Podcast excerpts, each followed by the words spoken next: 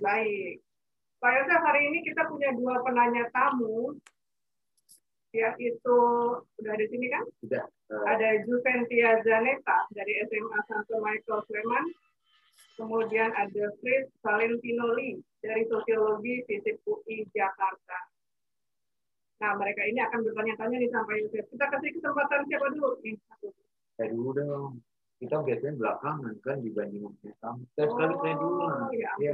Baiklah, Oke, silakan. Ah, Pak Yosef, saya mau tanya ini, Pak. Silakan. Eh, tadi kan Bapak bilang di dalam video, kalau orang bisa bicara, pasti bisa menulis. Eh, gimana sih Pak pengalamannya sehingga sampai punya eh, anggapan seperti itu Pak Yosef? Jadi gini, saya sendiri juga enggak enggak menyadari hal itu. Hmm. Jadi teman-teman seperti nanti Bu Mala akan cerita juga. Ya. Mereka itu sering jadikan saya narasumber pada waktu saya masih aktif. Mereka itu juga aktif di media, di majalah, koran mereka. Lalu saya sering dihubungi sebagai narasumber. Hmm. Dan menurut mereka, tiap kali ketemu saya itu ada aja cerita baru. Mereka bisa duduk berlama-lama dengerin cerita. Sehingga pada waktu mereka minta saya itu untuk nulis, mereka bilang, Bapak itu punya banyak cerita. Hanya sekarang tinggal ceritanya itu dibuat tertulis. Hmm. Dan karena mereka bicara berkali-kali, saya juga lagi mikir, ya benar juga ya, cerita saya banyak. Waktu saya lihat ke belakang dalam perjalanan karir saya, entah cerita tentang urusan pekerjaan, entah cerita tentang urusan keluarga, atau usur- urusan masyarakat luas, ternyata banyak cerita gitu ya. Ya. Yang kalau saya cerita juga bisa spontan aja. Oh, jadi selaras seperti yang tadi disampaikan oleh Mas Tra ya Pak, bahwa hal yang menarik adalah kalau kita bicara tentang orang. Nah, sekarang Bapak bukan hanya bercerita lewat ucapan atau kata-kata, tetapi bercerita lewat tulisan. Seperti itu Pak ya. Betul. Hmm. Tapi sebelum pensiun nggak pernah kepikiran Pak ya untuk menulis buku atau menulis di blog. Enggak, enggak, enggak blog sih, blog sih udah udah mulai eh, ancang-ancangnya ada. Jadi teman-teman itu kemudian memberikan saya beberapa eh, opsi, entah menulis artikel untuk koran, mereka memberikan saya sebuah kolom corner untuk mengelola di majalah dalam kaitan dengan SDM, atau menulis buku atau blog. Yang saya tampik nomor satu pada waktu itu adalah menulis buku. Karena yang saya bayangkan, waduh itu nulis buku, saya duduk dari pagi sampai malam berhari-hari, dari awal sampai buku itu selesai. Nah itu yang bayangan saya pada waktu itu. Jadi sebetulnya buku itu nomor satu saya saya tolak. Karena nggak yakin bahwa bisa menerbitkan buku. Oh ini buku pertama ya Pak ya? Ya Eh, buku. ini buku pertama Pak Yosef dan nggak yakin bahwa bisa duduk tenang gitu ya, menghasilkan buku kayak gini ya Pak. Karena saya nggak nulis buku itu. Iya iya iya. Menulis Saya blog ya. saya nulis untuk blog.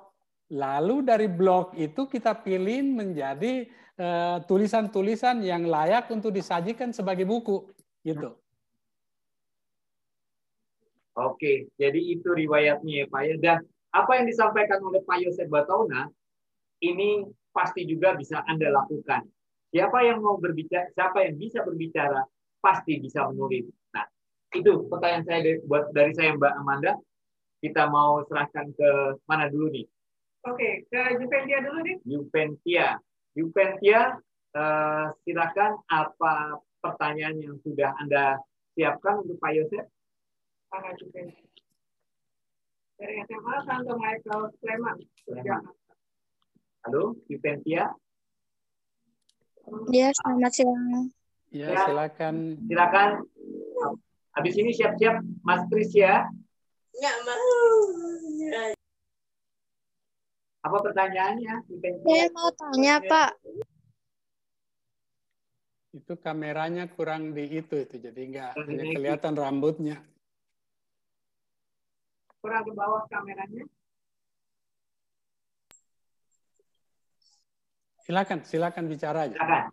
Nah, apa sih motivasi Bapak dan apa lika-liku perjalanan karir Bapak sehingga jadi sukses gini? Itu aja. Iya. Oke, Oke. sip. Oke. Terima kasih. Nanti kalau ada pertanyaan lagi boleh menyusul ya. Iya, Kak. Ini langsung dijawab atau gimana ini? Ya, silakan Pak Joseph langsung dijawab. Ya. Jadi ini ada pertanyaan pertama dalam kaitan dengan motivasi. Yang saya lihat ini mungkin uh, akan berkaitan dengan dua hal, motivasi menulis dan juga motivasi dalam berkarya. Nah, kita ini akan melangkah kalau digerakkan oleh sesuatu. Nah, ini digerakkan oleh sesuatu itu yang memotivasi kita gitu. Jadi kalau kita bicara tadi tentang menulis menulis untuk berbagi, itu tujuan saya bukan hanya sekedar untuk menulis. Nomor satu, saya menulis untuk bisa berbagi. Tetapi yang kedua, saya menulis untuk memacu saya juga untuk terus belajar. Nah, untuk itu barangkali saya uh, boleh bicara dulu tentang siapa saya dalam kaitan dengan saya punya moto hidup. Ya, moto saya sangat sederhana. Itu penggalan pertama itu adalah be yourself. Be yourself itu saya percaya bahwa kita semua itu diciptakan unik. Kita diciptakan unik, tidak ada duanya, lengkap dengan talenta yang kita miliki untuk sukses. Ya, jadi cerita tentang bagaimana sukses tadi itu awalnya dari sini. Nah, kalau saya percaya bahwa saya, kita semua diciptakan unik, artinya orang lain itu punya keunikan yang kita nggak punya.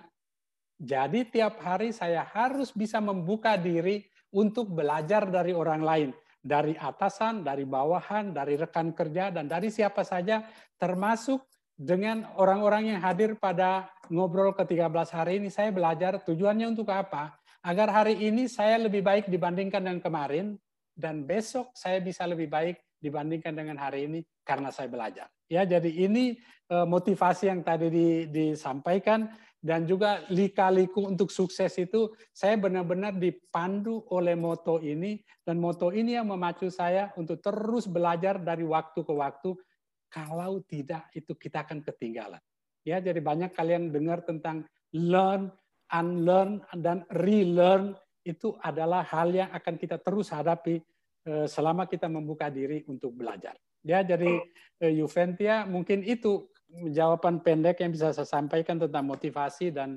lika-liku uh, sukses yang saya hadapi. Panduannya itu sangat sederhana dari moto yang tadi. Orang SDM ini jawabannya langsung motivasi gitu ya Pak Joseph ya. Nah, ditanya tentang motivasi. Pas banget ini. Juventia, untuk masalah motivasi yang tadi Pak Yosef mengatakan atau moto hidupnya, be yourself but better every day, itu uh, dia ungkapkan di dalam buku pertamanya kisah RP 10.000 yang mengubah hidupku. Di sini Pak uh, Yosef mengungkapkan bagaimana pengalaman dia uh, menjadi uh, seorang HR dan penggalan-penggalan hidupnya yang cukup diangkat dan bisa memberikan inspirasi. Nanti Anda bisa baca di dalam bab pertama gitu. Oke, Mbak Manda, itu dari Ventia sekarang. Ya, nanti nanti kalau ada pertanyaan kita lanjut di sesi kedua. Sekarang kita berikan dulu untuk Chris. Apa yang mau ditanyakan Chris kaitan dengan proses kreatif Pak Yosef? Silakan. Ya, uh, halo, saya kedengeran nggak? Kedengeran. Oke. Okay. Jelas. Ya, uh, jadi kan tadi Pak Joseph bilang tentang uh, Pak Joseph tuh suka cerita ya. Um, gimana caranya menuangkan cerita itu dalam bentuk tulisan karena kan cerita itu bentuknya spontan. Nah, uh, sedangkan uh, kalau misal tulisan itu masih perlu untuk persiapan dan kadang-kadang kan kita suka bingung sendiri dengan apa yang perlu kita siapkan, apa yang perlu um, ya apa yang perlu kita tulis gitu dalam penulisan itu. Dari saya begitu aja. Terima kasih. Baik, Fris, terima kasih banyak untuk pertanyaannya itu. Satu hal yang suka mengganjal itu kalau seandainya kita sambil nulis kita judge ini bagus enggak ya yang ini itu menarik apa enggak ini ini ini baik apa enggak kalau kita nulis sambil melakukan judgement seperti itu itu kita akan terjebak di dalam proses untuk menilai yang akan banyak makan banyak waktu jadi saran saya kalau kita mulai nulis nulis saja Enggak usah mikirin tentang segala macam yang tadi yang menjadi hambatan, baru kita review belakangan. Dengan demikian kita akan save banyak waktu untuk itu. Dan perlu latihan. Perlu latihan gitu. Jadi yang bisa yang bisa kita lakukan juga adalah um, pada waktu kita cerita, sesekali minta teman untuk rekam apa yang diceritakan itu, lalu didengarkan kembali. Nah, kalau cerita saya seperti ini menarik perhatian mereka, tentu saja kalau yang saya tulis juga akan menarik perhatian mereka kalau cara saya menuangkannya juga seperti ini. Ya, saya nggak pernah belajar konsep atau teori bagaimana membuat tulisan nggak pernah. Saya cuma belajar dari orang-orang yang punya buku, punya tulisan, lalu saya coba lihat itu apa yang menarik dari tulisan-tulisan mereka yang bisa memungkinkan saya untuk cari angle yang menginspirasi pembaca. Ya, Pris. Oke, baik. Terima kasih, Pak Joseph. Pris, nanti kalau masih mau tanya, uh, ini ya, kita sesi bukan di sesi kedua ya.